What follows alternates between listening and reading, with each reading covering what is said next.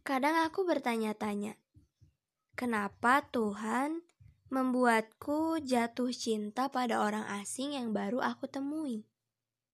Karena yang aku tahu, Tuhan selalu menciptakan sesuatu dengan alasannya. Tapi sekarang aku nggak tahu apa alasannya Tuhan membuatku jatuh cinta pada dia. Kami baru bertemu sekali dan entah kapan bisa bertemu lagi. Aku tidak tahu namanya, tidak tahu dia tinggal di mana, tidak tahu bagaimana perangainya, tidak tahu nama akun sosial medianya, dan tidak tahu apakah dia sedang sendiri atau sedang ditunggu orang lain. Apakah dia jodohku?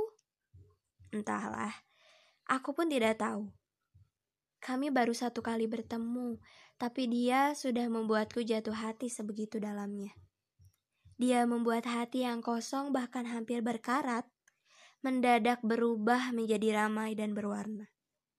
Jika memang dia jodohku, aku harap kita bisa dipertemukan kembali di waktu yang tepat saat kami sama-sama siap dan sudah menjadi versi terbaik dari diri kami masing-masing.